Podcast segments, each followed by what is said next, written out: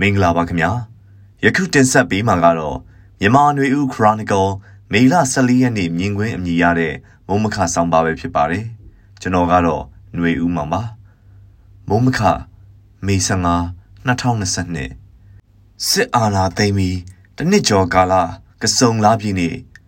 ပုံမှန်အခြေအနေမှာအခါကြီးနေကြီးရက်ကြီးနေတွေဆိုရင်ရန်ကုန်မြို့တရိတ်ဆန်ယုံရွှေတကုံဖျားတို့မှာနနက်ကဆလို့ မွန်လွယ်ပိုင်းတွေအထိကြိတ်ကြိတ်တိုးလောက်အောင်စီကားလေးရှိပြီးညနေဆောင်ကစုံညောင်ရည်သုံးတဲ့အချိန်ဆိုစုလေစေဒီဗုဒ္ဓထောင်စေဒီ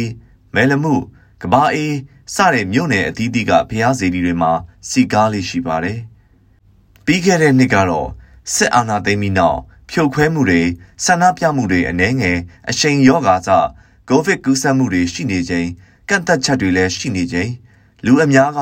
လူစုလူဝေးနဲ့သွာလာတာကို အာမပိကြတဲ့ကာလဖြစ်ပြီးအဲ့ဒီလိုသွာလာလဲပတ်တာတွေမတွေ့ခဲ့ရပါဘူးအခုနှစ်မှာတော့မနစ်ကတဲ့စားရင် လူတွေသွာလာကြတာတွေ့ရပြီးပုံမှန်နှစ်တွေလိုတော့မစီကားသေးပါဘူး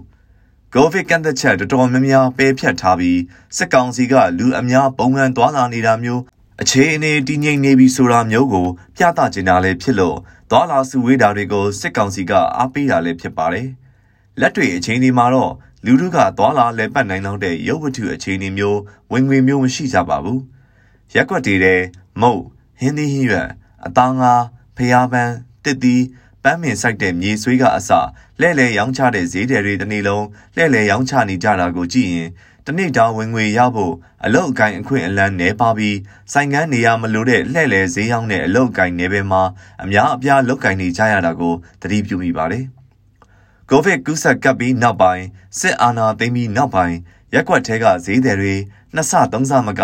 ရားပြားလာတာဖြစ်ပါတယ်။ဒီအချက်တွေကြောင့်လဲကစုံလာပြီလို့အခါကြီးရက်ကြီးမှာအရင်ပုံမှန်ကာလလိုသွာလာလဲပတ်နိုင်တဲ့အရေးအတွက်ထက်တိတိတသားရောနေသွားတာဖြစ်ပါတယ်။မန္တလေးမြို့မှာတော့ စစ်ကောင်စီကစွန်းဆန်လောင်းပွဲကိုနိုင်ငံရေးရည်ရွယ်ချက်နဲ့ကျင်းပခဲ့ပြီးအောင်မြင်တဲ့မအောင်မြင်မှုစသဖြင့်အမျိုးမျိုးသောရှုထောင့်တွေကသတင်းတွေဖော်ပြနေကြတာလည်းဖြစ်ပါတယ်။ဘာသာရေးအခမ်းအနားကိုကမကထလုပ်တဲ့အဖွဲ့အစည်းကလူလူကိုဖိနှိပ်တပ်ဖြတ်မှုတွေလုပ်နေတဲ့အာဏာသိမ်းထားတဲ့စစ်တပ်ဥဆောင်တဲ့စစ်အစိုးရဖြစ်နေပြီးတစ်ဖက်မှာလည်းဘာသာရေးအခမ်းအနားဖြစ်လို့တန်ဃာတော်တွေကပေါင်းဝင်ကြတာလည်းဖြစ်ပါတယ်။ အောင်မြင်တယ်မအောင်မြင်ဘူးဆိုတာမျိုးတွေနဲ့ frame ချပြီးဒီလိုဘာသာရေးအခမ်းအနားကိုနိုင်ငံရေးရှုထောင့်ကနေအလွန်အကျွံချင်းကပ်ဖို့မလိုအပ်ဘူးလို့မြင်ပါတယ်။နိုင်ငံရေးလှုပ်ရှားမှုမဟုတ်ပဲနိုင်ငံရေးအရာနောက်ွယ်မှာရည်ရွယ်ချက်ပါလာမှန်တော့လဲဒီလိုအခမ်းအနားကိုအရေးတကြီးသဘောထားစရာလဲမလိုအပ်တာအမှန်ပဲဖြစ်ပါတယ်။နိုင်ငံရေးအနိုင်အရှုံးဟာအခုလိုဘာသာရေးယဉ်ကျေးမှု ပညာရေးတို့လိုနယ်ပယ်ကရှိုးပြတဲ့ပွဲလန်းတွေကအဆုံးဖြတ်ပေးတာမဟုတ်ဘူးလို့မြင်ပါတယ်။နိုင်ငံရေးစစ်ရေးအရှုံးအနိုင်အဆုံးဖြတ်ပေးတဲ့အရာတွေက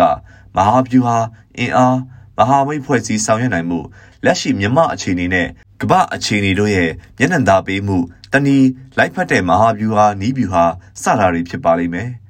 အခုလိုဘာသာရေးအရာနေကြီးရက်ကြီးအခါသမယမှာမြုံနေလူတို့ရဲ့ကြက်တဲမှုခက်ခဲမှုကိုလည်းတတိထားမိကြသလိုအမှန်တကယ်အရေးကြီးကုညီအားပေးဖို့လိုအပ်တာကလက်နက်ကင်ပြိပခကြားကတိမ့်နဲ့တန်းနဲ့ချီတဲ့ကျေးလက်နေလူတို့ရဲ့ခံစားနေရမှုတွေကိုမျှဝေခံစားဖို့ကုညီနိုင်တာကုညီဖို့အချက်ပဲဖြစ်တယ်လို့ထင်ပါတယ်။အခုလိုကာလမှာစစ်ဘေးကြောင့်နေအိမ်တွေမီးလောင်ကျွမ်းပိုင်ဆိုင်မှုတွေပျက်စီးယူဆောင်ခံရမိသားစုဝင်တွေအသက်ဆုံးရှုံး အသက်အရွယ်ကြီးရင်သူတွေကျမ်းမာရေးမကောင်းသူတွေလည်းဒေါ်ရဲတောင်နဲ့ရာသီဥတုတန်အောက်မှာပုံအောင်အိတ်ဆက်ကြတဲ့အခြေအနေတန်ရှင်းတဲ့ရေကောင်းကောင်းမရှိတဲ့အခြေအနေတိုက်ပွဲတွေကြားမှာတနေရာပြီးတနေရာတိတ်ရှောင်နေရကြတဲ့အခြေအနေအောက်မှာနေနေကြရတဲ့စကိုင်းတိုင်းမကွေးတိုင်းကချင်ပြည်နယ်ရှမ်းပြည်နယ်ကယားပြည်နယ်ကရင်ပြည်နယ်တနင်္သာရီတိုင်းကလူလူတွေရဲ့ဘဝက မြို့ပေါ်ကစားဝတ်နေရေးကြက်တဲတဲ့သူတွေရဲ့ဘဝထက်အပုံကြီးခက်ခဲကြက်တဲတာလည်းဖြစ်ပါတယ်ခင်ဗျာယခုတင်ဆက်ပေးခဲ့တာကတော့မြန်မာနွေဦး Chronicle မေလ14ရက်နေ့မြင်ကွင်းလို့အမည်ရတဲ့မိုးမခဆောင်ပါပဲဖြစ်ပါတယ်ကျွန်တော်ကတော့ຫນွေဦးမောင်ပါခင်ဗျာ